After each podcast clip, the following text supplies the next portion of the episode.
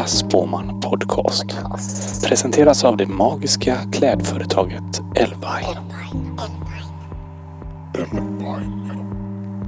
Livet var allt annat än ett äventyr för konstnären Linda Spåman. Nu måste ju inte alltid livet vara ett äventyr, men det måste vara något mer. Mer, mer. Så följ med på en magisk resa in i det undermedvetna. I Äkta Spåman Podcast låter konstnären Linda Spåman tarotkorten leda vägen och berättar om framtiden i magiska möten med modiga människor. Välkommen till Äkta Spån Podcast. Som idag har en jättespännande gäst som heter Sture Bergvall.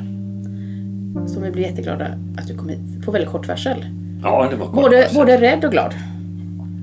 För att, jag Ja, inte det- hade, för att jag inte hade läst din bok för jag kände gud vad oartig jag är som inte har gjort det. Jag blev också rädd och glad. Ja, blev det? Men vad försätter jag mig i för situation? Okej.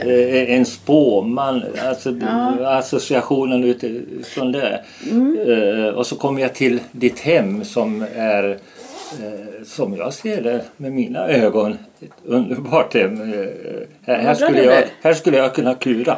Ja, vad fint att du säger det. Jag tänker att det här är som en trygg plats hoppas jag. Det känns och att, det och att människor kommer hit och Ja. känner att de Ja, kan ja, stanna här. Ja. Att När jag, jag gillar inte gäster dörren, då, så mycket. då, Men... när jag öppnade din dörr så tog jag ett steg tillbaks först. Gjorde du? Och så kände jag, "Nej, men det här är ju det här är ett välkomnande hem. Ja, vad Då fint. klev jag Vad in och glad så jag kände Jag jag någon slags... rörd att du tycker. Eh, Ja, alldeles på riktigt. Fint. För jag, för jag tänker, jag har lagt ner mycket tid på det här hemmet. Ja. Och jag har känt mig otrygg, tror jag, mycket. Och- För att jag har nog alltid hållit på och liksom bygga saker Ja, och ja, skapa miljöer och så. Ja. så. Men det här är också en del av det här spårdoms, spårdomsprojektet då, som jag håller på med. Att jag tänkte att jag Förstår. skulle skapa det perfekta magiska rummet. Ja, ja. Och, och det upplevs ju som magiskt. Eller jag upplever det som magiskt. Men du tror du eh, på magi? Nej, Nej. Men eh, däremot så tror jag på, på magiska möten. Eh,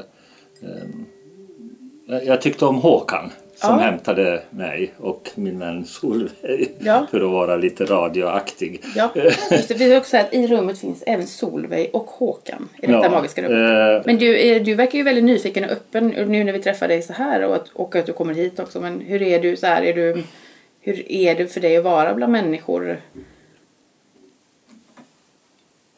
nu blev jag tyst. Nej, det, det beror på att jag tänker efter lite här. Eh, Och det är bra också när det är så här poetiska tystnader. Ja, och, Typ. ja, eh, och jag vill gärna vara lite poetisk. Eh, När du läser min bok tror jag att du kommer att upp, uppleva vissa partier i den som åtminstone att det tangerar det poetiska. Jag har ju alltid varit en skrivande människa men aldrig trott att jag haft riktigt haft den gåvan. Eh, Att, att skriva bara jag vet vem jag är. När det skrivandet var gjort så, så upptäckte jag att jag eller jag kan, jag kan tillerkänna mig själv en, ja men jag har nog en skrivartalang. Och, och, och, och, det, och det känns bra att, att våga säga det. Eh, Att ta det till sig. Då måste man ju genast fråga, hur är din självkänsla? Den är god. Den är god. Idag är den Ja, god. Men den har inte alltid varit det? Nej. Nej. Absolut inte. Känner du dig själv nu? Ja, det gör jag. Det vågar jag också säga. Idag Mm. känner jag mig själv och idag, idag är jag eh, nöjd med mitt liv och vill inte ha det annorlunda än, än jag har det idag. Mm. Eh, någonstans har jag nått, nått fram till det goda livet. Mm. Eh, Och det goda livet började ganska mm, bestämt datum, den 17 september 2008. Där kan jag peka på en punkt och säga där startade det goda livet. Det, Vad var det som hände? eh, jag hade besök av Göteborgs journalisten Hannes Råstam. Då hade jag suttit i sju års tystnad på Säters sjukhus. Pratar du inte med någon människa? Det var verkligen sju års tystnad. Eh, jag hade ingen kontakt med yttervärlden och en väderpratskontakt med människorna på avdelningen. I övrigt blev det total tystnad. Hannes Råstam skrev ett brev till mig. Jag hade sett, jag hade sett en dokumentär som han hade gjort eh, som hette Varför erkänner de? Om eh, ett antal mordbränder i Falun, min hemstad, städernas stad, mitt hjärtats stad. Och jag såg den där dokumentären och blev gripen och tyckte om Hannes röst. Eh, eller hans ton snarare. Jag tyckte om hans ton i det programmet. Sen några veckor senare fick jag ett brev från honom där han ville fråga om det var möjligt att få träffa mig. Och då hade jag under de här sju år, årens tystnad fått många förfrågningar från journalister som ville komma och, och, och intervjua mig och sådär. Men, det var något speciellt med Hannes. Eh, så jag sa ja, men bad honom vänta ett par månader för jag skulle se eh, Giro d'Italia och Tour de France. Det var mitt sätt att komma ut i världen. Eh, där kunde jag låtsas att jag satt på cyklisternas icke-pakethållare. Tävlingscyklar har ju inga pakethållare. Och cyklade runt i Frankrike och Italien och, och så vidare. Så det, han fick vänta, men han kom ju. De här loppen hade gått det tre veckors cykellopp det där. Och han kom till Säter och nu blir jag lite rörd igen. Jag blir alltid rörd när jag tänker på det här. Eh, vi, vi samtalade, sa inget speciellt. Han hörde sig för hur jag mådde och, och vi lyssnade in varandra. Så första gången var inget magiskt möte. Eh, det kanske kom senare. Men i alla fall då så, så, så eh, efter några turer där så, så säger Hannes att han hade sett vandringsvideor. Han hade sett en Thomas Quick hög som ett hus. Och Hannes var den första personen som pekade på drogerna. Ingen annan hade nämnt dem. Och det var min egen förklaring till att det hade gått som det gick. Så när han sa det där sa jag till Hannes att eh, ja jag tänk om det är så att jag inte har begått de här morden. Då behöver jag en advokat. Känner du någon? Och han gav namnet Thomas Olsson. Eh, och så vidare. Och så var det klart med det. Det var slut med det. Eh, och han skulle lämna Säter och gjorde det. Och sa att jag skriver ett brev igen. Så gick det några timmar och prick klockan 18.00 Eh, på kvällen den 17 september så ringer han eh, och då fick jag gå till en telefonhytt och, och sådana där saker. Och ta emot det där samtalet. Och där säger Hannes att jag har inte åkt tillbaka till Göteborg. Jag är kvar i Säter. Ska vi träffas imorgon? Han, han kände ju på sig vad som var på gång. Och jag sa ja. Eh, och det är min magiska stund. Det är min stund där livet vände helt och hållet. Eh, det är mitt livs starkaste ögonblick när jag säger till henne ja, kom imorgon. Och, och då bor jag i en lång korridor, långt ner i en korridor. Så går jag till mitt rum. Så knyter jag näven för mig själv och så säger jag ja, nu ska jag berätta. Och det är, ja, det, är den star, det är det starkaste, starkaste ögonblicket i mitt liv. Och det vände livet. Gick det snabbt sen eller tog det lång tid? Det tog... Eh, då började jag hans arbete med eh, Thomas Quick-dokumentären mm. där när han gjorde tre stycken. Men där startade också den fem år långa resningsprocessen. Eh, där jag fortfarande var inlåst på Säter. Men det var där det började alltihop. Är du arg? Nej. Nej. Jag är inte det. Har du förlåtit? Jag har förstått. Förstått, okej. Okay. Det, var sju år av hopplöshet. Det var sju år där jag inte levde. Där jag inte såg någon som helst möjlighet eh, att säga som det var.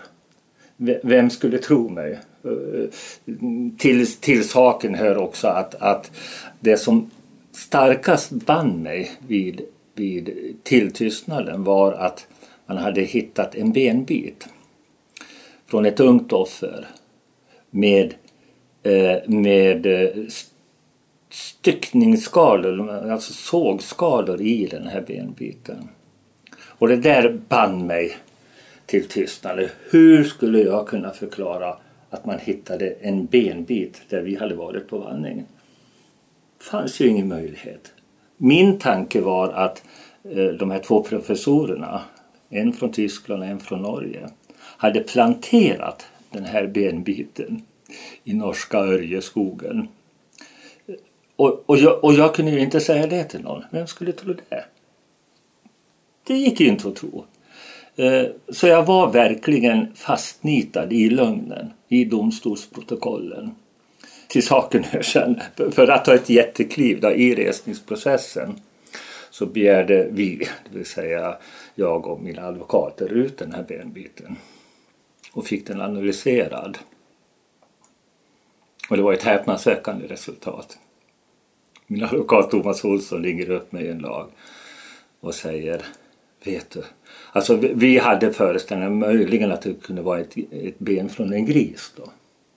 Och den här benbiten var trä, lim och plast. Det var inget ben. Och den hade alltså presenterats i domstolen med ljusbilder och professorerna hade förklarat eh, hur det såg ut och varför det var från en ung människa och hur de här styckningsskalorna såg ut och så vidare. Och så var det en, det var trä, lim och plast. Men vad kände du ändå, jag tänker eh, när, när allt detta liksom uppdagas att, att det känns som att många människor har spelat med dig liksom i det här Ja, eller, ja, oh, ja, ja, så, så, så många människor ja. kanske har behövt detta för sina egna ja, karriärer. Oh, ja, och, absolut så var det. Jag tänker lite grann att det är som en magi, att folk vill tro. Mm. Ja, det handlar om, om, om att vilja tro. Mm. Och vilja det så mycket så att, att man tror också. Jo, men jag tror också, jag tänker att du är på ett sätt liksom att man har skapat, man skapade dig som en figur tänker jag. Så här, ja. Som det här är liksom ondska och, ja. och att alla vill liksom... Och behovet ja, av den figuren också. Behov. Ja, mm. just.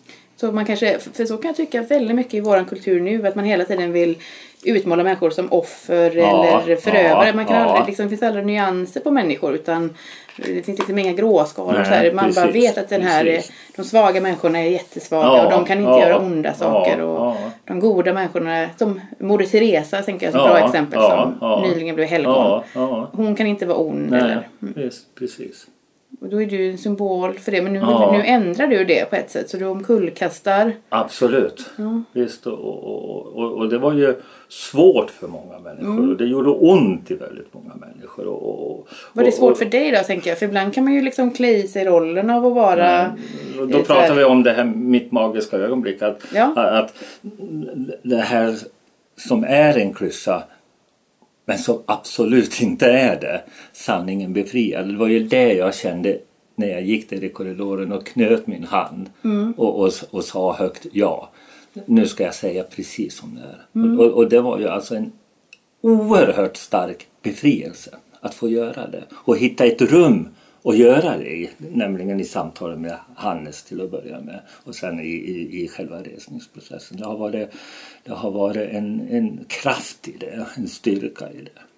Det, det är intressant för då, sanningen pratar vi ju väldigt sällan om i den här podden utan pratar ju, människor pratar om sig själva. Ja. Ja, ja. Så detta är första ja. gången vi pratar om sanningen. Ja, ja. Och, och, och det är intressant också, jag måste flika in det, när, i de första samtalen med Hannes så sa han nu, nu måste du komma ihåg att du får inte gömma undan någonting. Du måste fram med allt. Och det innebar ju också djupt inifrån mig själv eh, måste jag vara sann. Eh, förutom att, att också visa alla dokument, att visa journalanteckningar, att säga precis som det var. Eh, eh, nu tappar jag tråden igen.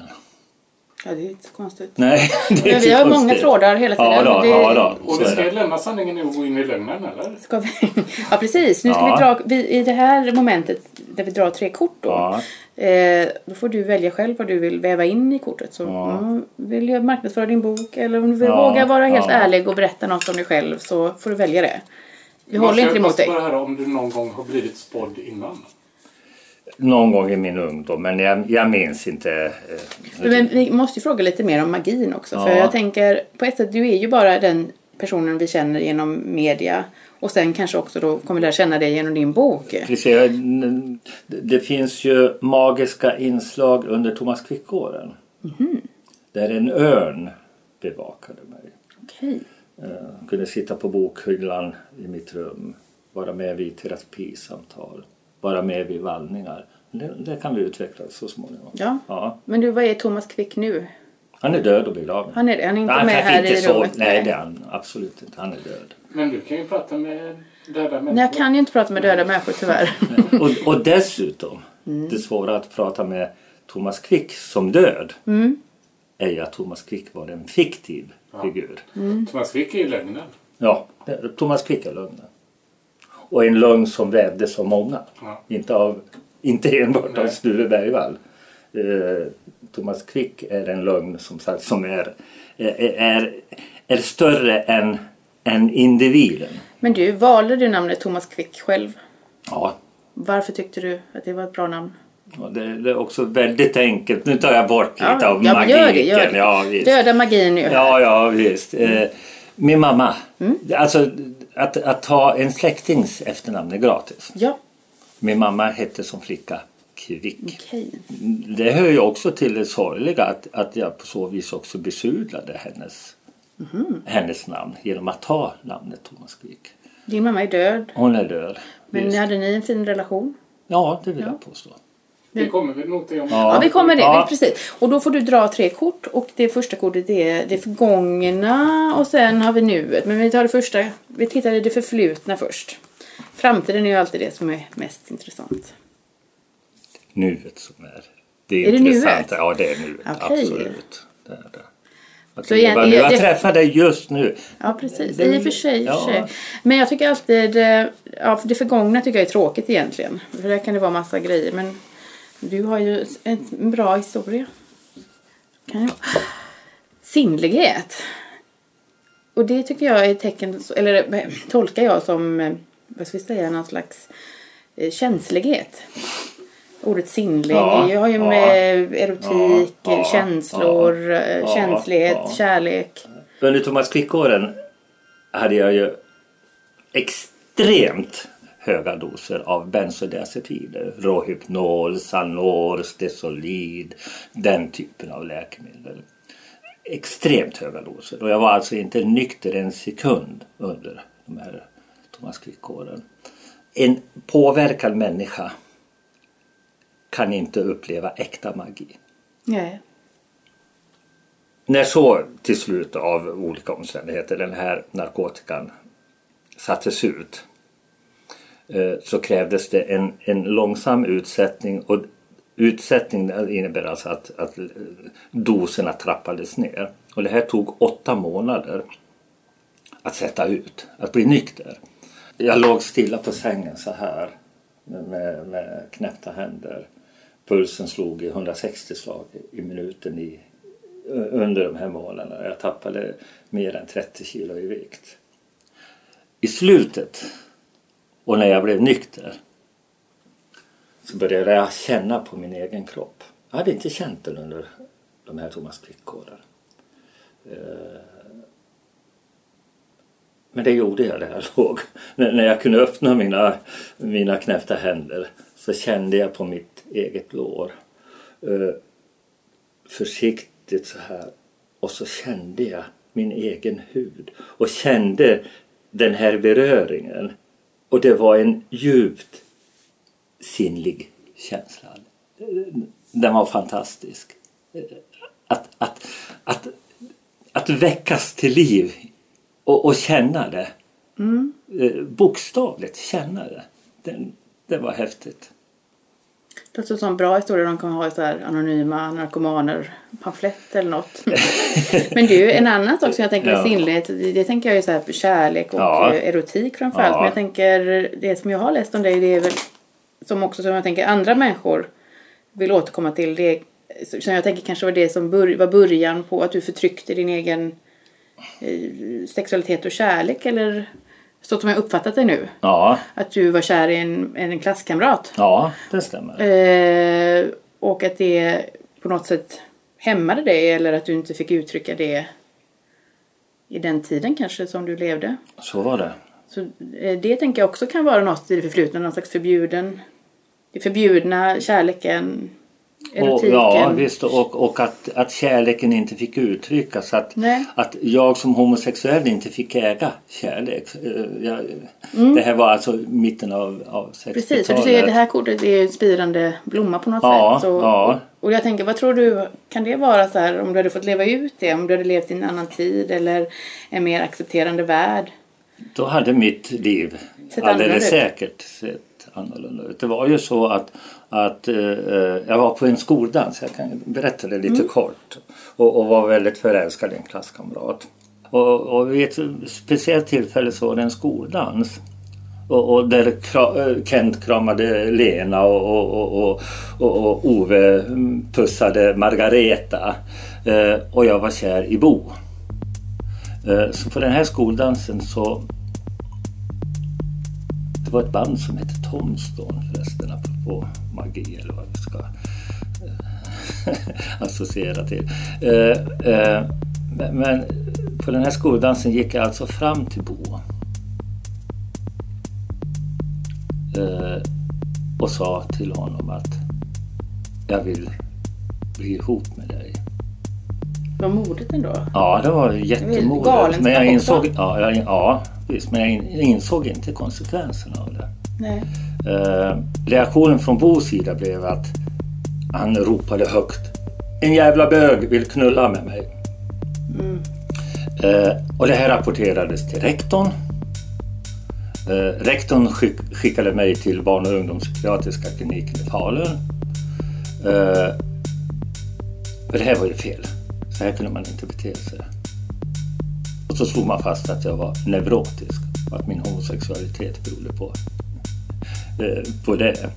Och då började du gå på barn och ungdomspsykiatri. Då flyttade till Uppsala till Fjällstedtska skolan ett internatläroverk för blivande präster. Mhm, så du skulle bli präst då? Då skulle jag bli präst och där blev jag ju naturligtvis kär i en klasskamrat igen då.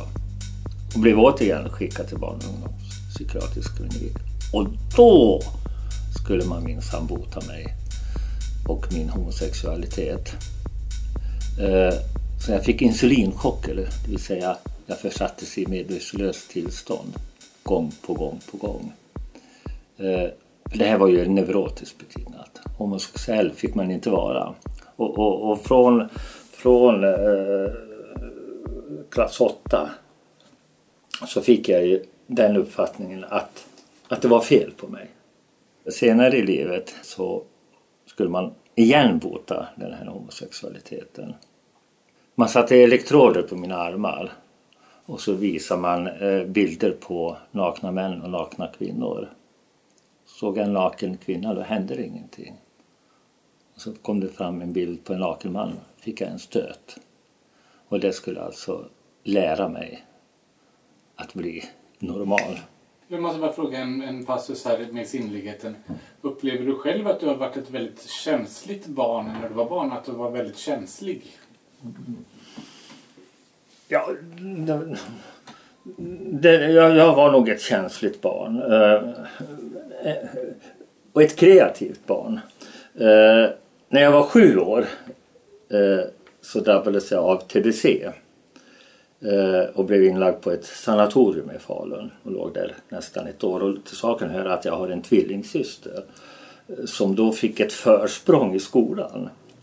Eh, och, och på den tiden så fick inte föräldrar eller syskon komma och hälsa på. Utan man, jag var, man var isolerad från omvärlden på det viset. Och jag betraktades som Sveriges sista TBC-barn. Eh, TBC ansågs sen vara utrotad. Nu har den ju kommit tillbaka av andra skäl. Men det här var ju en lång tid och där jag, där jag eh, iakttog eh, hur jag tydde mig till de här äldre människorna som var på sanatoriet. Eh, tanter och farbröder som själva kallade sig för sotartant och sotarfarbror. Varför kallades de det? Eh, därför att de hade sot i lungorna. Ja, precis. Och en dag så var en sotatant död. Och då förstod jag ju att jag också skulle dö. Vi hade ju samma fel på våra lungor. Och den tiden har naturligtvis präglat mig. Och, och, men, men på Högbo med de här sotatanterna och farbröderna så upplevde jag ju också en slags sinnlighet. En, en, att, att trygga sig till, till deras famn och, och få lite tröst och, och, och eh, få en sång sjungen. Oftast var det en psalmsång. Men träffade inte du din mamma då på Eh, väldigt länge? på väldigt länge. De kom, kunde komma dit och hälsa på en kort stund. Hur ofta det var, det vet jag inte, men var sjätte vecka eller någonting sånt där. Man skulle vara isolerad eh, för att kunna bli frisk. Eh, och, och det är klart att det har präglat mig naturligtvis. Lite senare i livet, i 19-årsåldern, 18-årsåldern, så träffade jag en man som jag blev väldigt förälskad i. Och vi har ett förhållande, ett väldigt sinnligt förhållande. Och det var min framtid, det var mitt livs stora kärlek. Och en dag så får jag beskedet att han inte levde, han hade tagit sitt liv. Så sinnlighet, erotik och kärlek har jag ju fått smaka på. Men också varit under långa perioder väldigt långt ifrån. Eh, Jag kunde ju uppleva en slags sinnlighet i terapisessionerna som var täta och många och långa. Eh, en närhet till terapeuten. Eh, att få hennes bekräftelse eller hans bekräftelse. Att få en smekning på kinden. Och, men, men det var ändå, ändå långt ifrån den äkta sinnligheten. Eh, den här djupa djupare innebörden som, som jag tycker man ska lägga i, i begreppet sinnlighet. Det är ett väldigt fint ord, tänker jag. Det, är- det är ett jättefint ord. Väldigt fint ord. Är. Och- Absolut. Nu tar vi ett kort tycker Ja. jag. Nu tittar vi in i nuet. Ja. vi, där vi vet ändå i nuet för vi är här just nu. Okej, då har vi döden. Och detta är ett jätteroligt kort. För, och det här tycker jag, lägger det så här, men döden är ju ett positivt kort i kortleken. Man kanske tror att det ska betyda att man ska dö. Mm, Jajamän. Men snarare är det ju att någonting har dött och någonting har Uppstått. Precis, någonting nytt kan Ja, alltid. ja. Så när det här kortet kommer så är det som en new beginning. Ja, ja. Och där är ju du. Där är jag i, verkligen. Ja. Thomas Quick nämnde vi lite tidigare. Han är ju Precis. död. Det är otroligt lyxigt ändå att bara kunna byta namn och person ändå. Men denna nya person. Det ligger inte så mycket lyx och Nej, definitivt... jag vet- jag skojar jag bara. förstår Jag är bara ironisk. Ja, ja, Ja, men det får förlåt. du vara. Nej, men du får vara Ja, ironisk. ja, ja, ja. Varsågod. Tack så mycket. Jag gillar inte ironi faktiskt. Jag tycker det är obehagligt. Ja, men det, om, om ironin är, är med någon slags eh, kärleksfull knorr. Ja, jag, jag var bara Då- kärleksfull. ja, inte. Jag skickar precis. sinnlighet åt ditt håll. Precis vad jag kände. Men ja. döden och Thomas Quick är ju faktiskt jättespännande. För Ja. har ju, det är ju död. Thomas Quick är ju ändå en del av dig själv också. Och han är död och finns inte med längre. Det är lögnen. Mm. Men sörjer man en sån död? En sån död innehåller väl enbart eh, en slags en slags glädje och, en slags, eh, och mycket förtröstan och, och, och, och hopp. Eh, att lämna ett, ett alter ego eller en, eh, en fiktiv figur som jag, jag betraktar Thomas Quick. eh, är ju också att, att, att, att gå från död till liv, att, att ta klivet in i livet. Eh, så ser jag det. Det har ju du gjort nu. Det har jag gjort. Korten ljuger aldrig. Bra. Så kan vi säga. Men vad, tror du, är du rädd så här att det skulle kunna komma en ny person i dig? Nej. Nej, det gör det inte Nej, nu. nej. Nej. Du skulle veta att, att, att under Thomas Quick-åren så uppträdde det ju också multipla personligheter. Det Inte bara, det var inte bara Thomas Quick. Vi hade också en Ellington, vi hade en Lana, vi hade en Cliff. Var alla män? Nej, inte Lana. Inte Lana? Nej. Lana var Lana, en mm. kvinna. Hur var hon? Hon var elak. Okej. Det var, det var eh, Thomas Quick-figurerna. De var elaka. Och skulle så vara. Terapi i situationer och terapi. Terapin krävde det. och- Men och kände du att det du så. spelade då? Nej. Nej. Så var, det hände på riktigt? Nej, Nej. det gjorde det inte. Nej.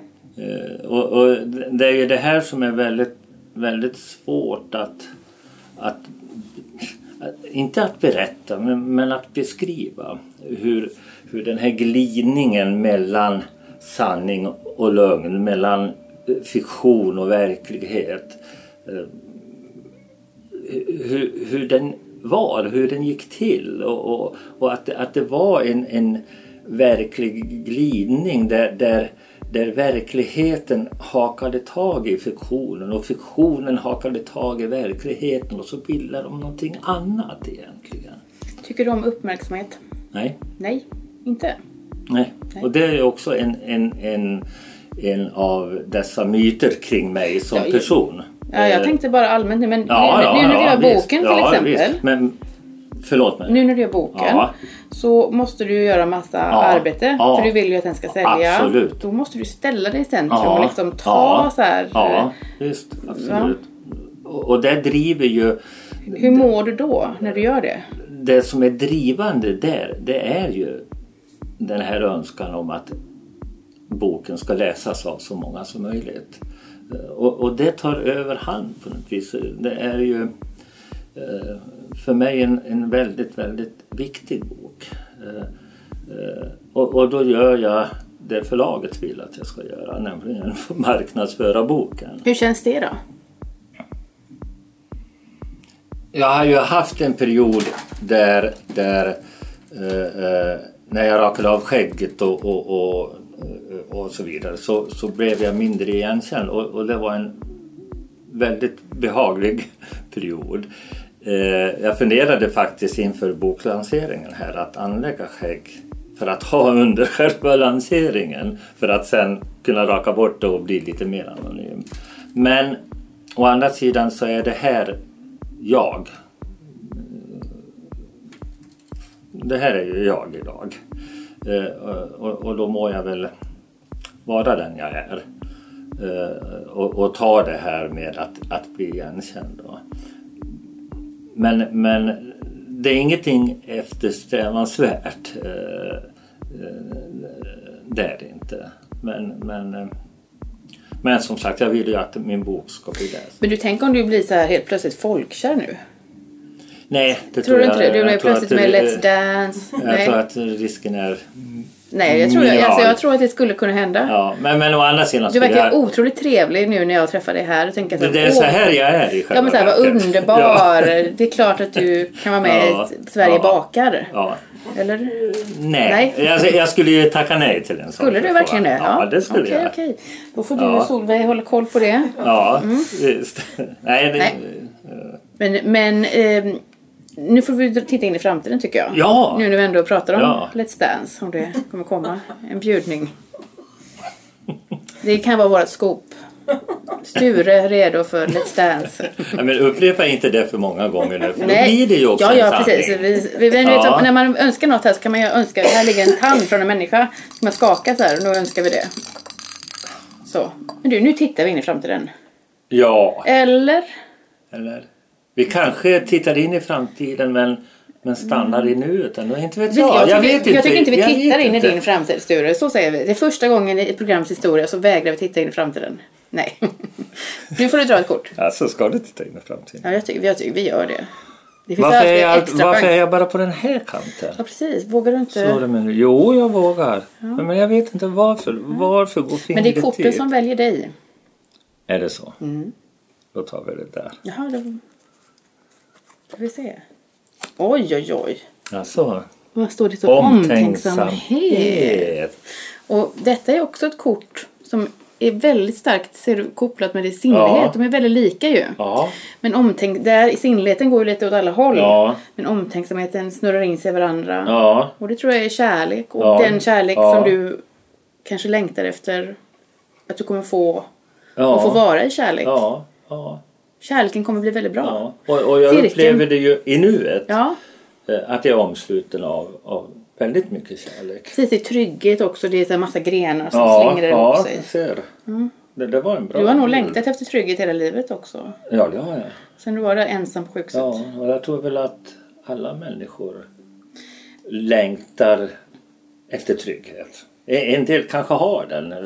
Men du, en sak som man får göra också i det här programmet det är att man får dra ett kort ur min magiska kortlek som man får ta med sig i livet som ett styrkekort. Åh! Men jag tyckte att du hade väldigt spännande kort ändå. Jag känner att det finns eh, Ja. det en cirkel kan man säga. Ja, Kärlek, också den lite farliga kärleken. Och sen att återfödas och dö och återfödas. ja, Cirkeln så att säga. Och sen omtänksamhet som också är kärlek då. De här orden är lite märkliga men det är lite gammaldags språk. Ja. Känner du dig trygg med denna Jag känner mig väldigt trygg. Och, Väldigt trygg, ja. Och, ja, det, det gör jag. Men du, en sak som jag vill återkomma till som jag Ja. också tänker vi inte plockar på. Det var att du skulle bli präst. Ja, Det är ju spännande för det är ju en form av andlighet och... jag har till och med Tro. varit en, en kortare period i livet i kloster. Jag skulle bli Mm. munk. Jag får gärna typ så tankar om det på något sätt att man flyr också undan sin sexualitet genom att bli munk eller gå i kloster. Så Ja. förstod jag att det var. ja. Eller var det det du försökte göra? ja det var det. Men sen läste jag jättespännande att på medeltiden så var det väl så att det var också bordeller på klostren? Eller? Ja, nej, men ja, visst. Så jag menar, det visst, finns, eh, det finns ju någon oh, spänning ja, där. ja, då, Mm. Hoppades du på det? Nej. Nej, bara, nej. typ. Marquis de Sade har gjort många böcker. Nej, så var det inte heller. Men nu drar vi ett kort i Ja, andra så var kortleken. det. Precis, drar vi, ett- här drar vi ett, en spännande kortleken. Ja. får du dra ett, ett kort. Men jag, om jag inte känner någonting då? Nej, men, Jo, men det är klart jag det är gör. klart du gör. Ja, nu vill jag vara dig till lags. Ja, precis. Ja. Smek mig Ja, medhårs nu. Ja, men jag ser ett spännande känner och känner. kort. Ta det snyggaste nej, kortet Nej, då. men jag Ja. ser ett snyggt... De är ju likadana ett, på utsidan. ett spännande kort. Just det där eh, Okej, försöker okej. Så vi ser. Ja. Arbete. Men det här är väl väldigt bra kort att ha med sig. Jag tänker när du blir trött. För du har ju mycket arbete att göra nu. Du ska Ja. göra mycket böcker. Ja. Du kommer få göra mycket promotion. Ja. Sen har du ett arbete med att få människor att ändra bilden av dig. Och, och, det är väl- det, det är ett eh, kämpigt verk. Men alla kommer få sin, en ny bild av dig när du är med i Äkta Spåman Podcast. Naturligtvis. Eftersom vi bara har väldigt snälla lyssnare vi ju.